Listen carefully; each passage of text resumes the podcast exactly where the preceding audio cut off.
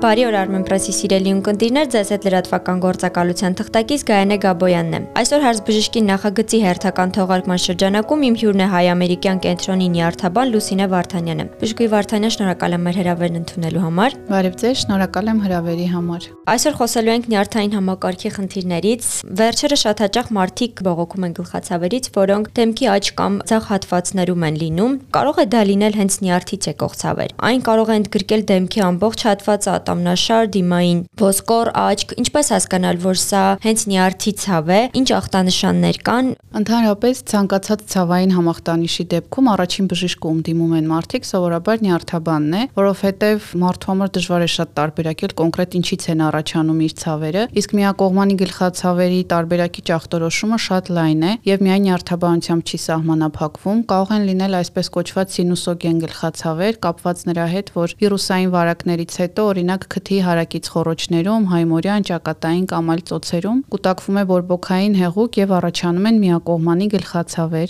Միակողմանի գլխացավեր են նաեւ օրինակ շատ հայտնի միգրենային գլխացավերը, որոնք լրիվ այլ ախտանշաններ եւ առանձնահատկություններ ունեն, եւ միակողմանի գլխացավերը հաճախ կապված են լինում նաեւ երրորյակ նյարդի հետ եւ դրանք ելի տարբեր պատճառներ կարող են ունենալ, կարող են լինել առաջնային նյարդի ցավ, որի պատճառը դժվար է բացահայտել եւ հաճախ չի էլ հաջողվում գտնել, եւ նյարդի ցավեր, որոնք առաջանում են երկրորդային պատճառներով, կարող է լինել օրինակ գոյացություն, որը նյարդին սեղմում է իր ճանապարհի, հա, որևէ մի հատվածում, նույն բորբոքային խնդիրները, ատամների հետ կապված խնդիրները կարող են առաջացնել երրորյակ նյարդի ցավեր, որոնք այս դեպքում կկոչվեն արդեն երկրորդային, քանի որ առաջին պատճառը այլ է եւ կարիք կա ուղղորդելու այլ մասնագետների, դիմացնոտային վիրաբուժի օրինակ, լոր մասնագետի եւ այլն։ Իսկ ախտանշաններ կան, ինչպես հասկանալ, որ դա հենց նյարդի ցավ է։ Երորյակ նյարդի, այսպես ասած, դասական ցավը շատ ուժեղ ցավ է, կրակող, սուր, կարճատև, կարող է պրովոկացված լինել ցանկացած թեթև ազդակով, դա կարող է լինել օրինակ թեթև սառը քամին, տղամարդկանց մոտ սափրվելու ժամանակ կարող են առաջանալ, կանանց մոտ օրինակ դիմահարդարման կամ դեմքին օրինակ ինչ որ քսուկ օգտագործելու ժամանակ, իրենք ուժեղ, կրակող բնույթի ցավեր են, որոնք շատ կարճատև են, բայց օրվա մեջ բազմիցս կարող են կրկնվել եւ սովորական դեղորայքին ցավազրկողներ բուժումներին հաճախ օգտագործում ենք, չէ, իբուպրոֆեն, ասպիրին եւ այլն, դժվար են ենթարկվում կամ ընդհանրապես չեն ենթարկվում։ Շատ լավ նշեցիք երրորյակ նյարդ, մի փոքր կմարամասնեք, ինչ է դա իրենց ենթադրում։ Երրորյակ նյարդը գանգուղեղային 12 զույգ նյարդերից մեկն է, թվով 5-րդը, եւ ինքը պատասխանատու է դեմքի ամբողջ զգայունության համար։ Յուրաքանչյուր կողմից աճ եւ ցախ մենք ունենք մեկական երրորյակ նյարդ, որը պատասխանատու է դեմքի եւ գլխի որոշ հատվածների նաեւ նյարդավորման համար, այսինքն ինքն է ապահովում ապահովում ճակատի, վերին ծնոտի, այտերի, ստորին ծնոտի շրջանի որոշ չափով պարանոցի եւ գլխամաշկի նյարդավորումը։ Ցանկացած ցավ, որ մենք զգում ենք այդ հատվածում, այս կամ այն կերպ պայմանավորված է երրորյակ նյարդի ցավով։ Հաճախ իրեն խառնում են մեկ այլ նյարդի հետ, ասում են դիմային նյարդ, բայց դիմայինը այլ նյարդ է, այն շարժողական ֆունկցիա ունի, ի տարբերություն սրա, որ զգացողական է։ Շատ լավ, եթե քաղաքացին ունի արդեն որևէ խնդիր երրորյակ նյարդի հետ, արդյոք այն բուժելի է հնարավոր է իրեն բուժել, թե այն կարող է քրոնիկ բնույթ ունենալ։ Այս հարցում ամենադժվարը կարծում եմ ախտորոշումն է, գտնել ճիշտ պատճառը, որպեսզի ճիշտ բուժում կարողանանք ստանալ։ Եթե դա օրինակ կապված է գթի հարակից խոռոչների կամ ատամների հետ, իհարկե արմատական բուժում հնարավոր է բորբոքային process-ը բուժելով։ Բայց առաջնային երրորդյակ նյարդի նևրալգիան ցավը սովորաբար քրոնիկական է լինում եւ կարիք ունի բարբերաբար բուժումների, որոնք կարող են լինել ոչ միայն սովորական ցավազրկող դեղորայք, այլև այլ հատուկ խմբերի դեղեր, հակադեպրեսանտների, հակացնցումային դեղերի շարքից, որոնք օգտագործվում են այս յուրահատուկ ցավը բուժելու համար։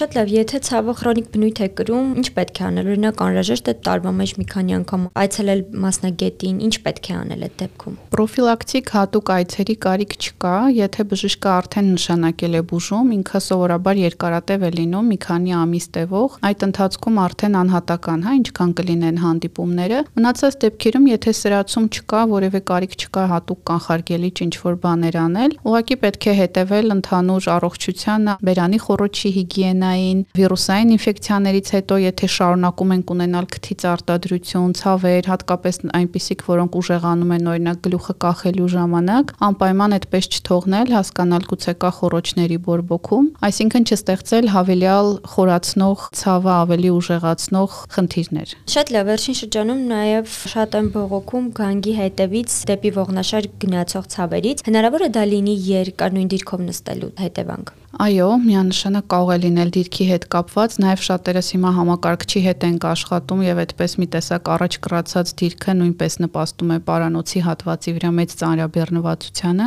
Ծոծրակային գլխացավերը ամենահաճախը հենց այդպեսին են լինում ողնաշարի պարանոցային հատվածից եկող։ Երբեմն ծոծրակային գլխացավեր նշում են նաև զարկերակային բարձր ճնշումով պացիենտները, այս հարցին էլ է պետք անպայման ուշադրություն դարձնել։ Ճնշման բարձրացման ժամանակ սկսում են գլխացավեր, սովորաբար նկարագրում են այդպես ծոծրակի հետևից տարածվող Շատ լավ, նաև շատ տարածված է նստատեղի ներվի բորբոքում ասված խնդիրը։ Հիմա այն շատ տարածված է, քանի որ մարդիկ, ինչպես նշեցինք, ավելի շատ նստակյաց կյանքով են ապրում աշխատանքից ելնելով։ Ինչ անել այդ պարագայում, որոնք են այն սիմպտոմները, որոնցով կարելի հասկանալ, որ ունենք նստատեղի բորբոքում եւ ինչ անել այս պարագայում։ Այս դեպքում եւս, ինչպես այլ խնդիրների դեպքում, ժողովրդական ոնց որ բոլորին ասում ենք բորբոքում, բայց այդտեղ էլ մի նյարդ չի, մի քանի նյարդեր կան եւ իրենք միշտ չէ որ բորբոքված են լինում, ավելի հաճախ իրենք կոմպրեսիայի են ենթարկված լինում։ Օրինակ այդ տարիքի հետ առաջացող ոսկրային փոփոխությունները, աճառային հյուսվածքի էլաստիկության կորուստը,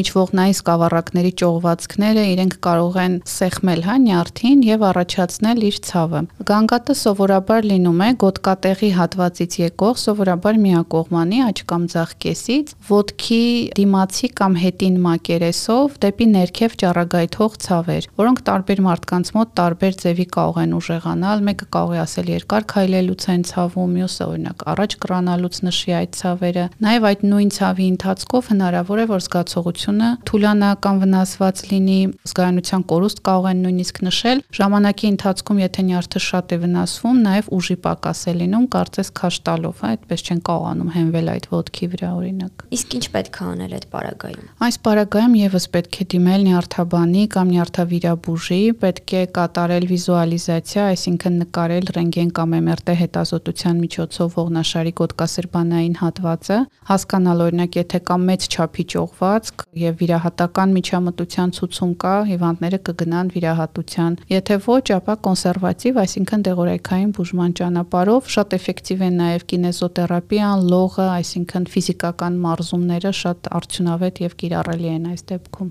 Շատ լավ, մի էսպիսի հարց։ Հնարավոր է վերջույթների առանցքայացումը առաջ առաջանալ նյարդային խանգարումներից։ Վերջույթների անզգայացումը կարող է առաջանալ նյարդային խանգարումների հետևանքով, կարող է նաև անոթային լինել, շատ հաճախ այդպես էլ է լինում։ Ամենահաճախը, եթե մի քանի վերջույթներ են, օրինակ երկու ձեռքերը, ոտքերը կամ բոլոր 4 վերջույթները շաքարային դիաբետով հիվանդների մոտ է հանդիպում, կոչվում է պոլինեյրոպաթիա երևույթը, այսինքն բազմաթիվ մանր նյարդերի ախտահարում, որը առաջանում է դիաբետի վատ հսկման կամ երկար տարիներ հիվանդ լինելու հետևանքով։ Ցավոք սրտի էլի շատ դժվար բուժման ենթարկ հեղափոխվող գանգատ է եւ այստեղ կարեւորը առաջնային հիվանդության դիաբետի լավ վերահսկումն է։ Շատ լավ, նյարդային համակարգը բնականաբար մի քանի թեմաներով չի սահմանափակվում։ Մենք մեր մյուս թողարկումներին կանդրադառնանք նյարդային համակարգի այլ խնդիրներին։ Կխնդրեմ ամփոփելով մեր զրույցը մի քանի խորհուրդ նշեք մեր ունկնդիրների համար, ինչ անեն, որպիսի նյարդային համակարգի որոշակի բորբոքումներից զերծ մնան կամ եթե արդեն ունեն մեղմենետ իրավիճակը։